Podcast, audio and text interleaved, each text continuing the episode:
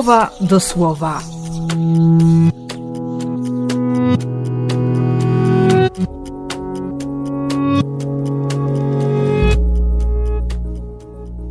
Dziewiętnasty stycznia, czwartek.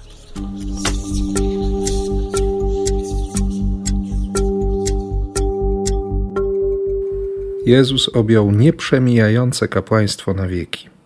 On również może uratować każdego, kto w nim zbliża się do Boga, ponieważ to w nim jest życie odwieczne i nieskończone, a on sam jest w każdej chwili dostępny i zaangażowany w sprawy wszystkich, którzy mu ufają.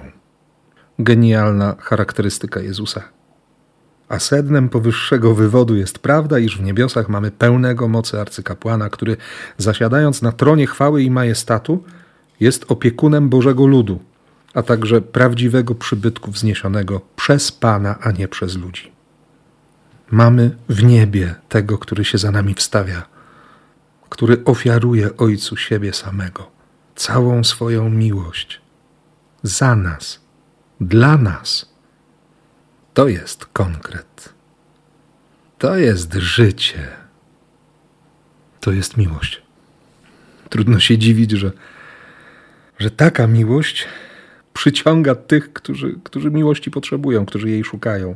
Wielkie tłumy szły za nim. Ludzie z Galilei, z Judei, z Jerozolimy, z Idumei, tereny za Jordanem, Tyr, Sydon, no, no wszyscy. Więc łódka w pogotowiu, gdyby się okazało, że że nie potrafią zapanować nad tłumem. Ludzie cisnęli się tak, że, że omal go nie stratowali.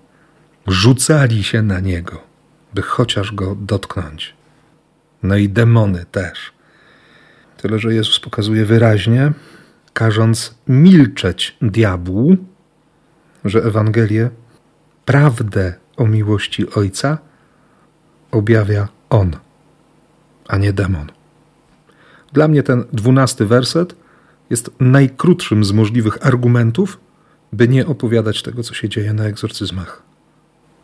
By nie zgadzać się na ten trend, niestety, obecny w kościele w sumie od zawsze i propagowany przez rozmaitych ludzi, by z diabła uczynić jedno ze źródeł teologicznych.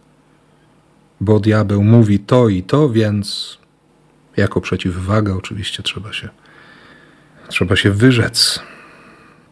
Surowo je karcił. Nie chciał, by ludzie z ich ust dowiadywali się czegokolwiek o nim.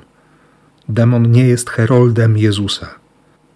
Zresztą widać to po zachowaniach i, i reakcjach, jakie budzą w kościele czy wśród ludzi identyfikujących się z kościołem rozmaite twierdzenia i opinie demonów bo w Ewangelii chodzi o miłość.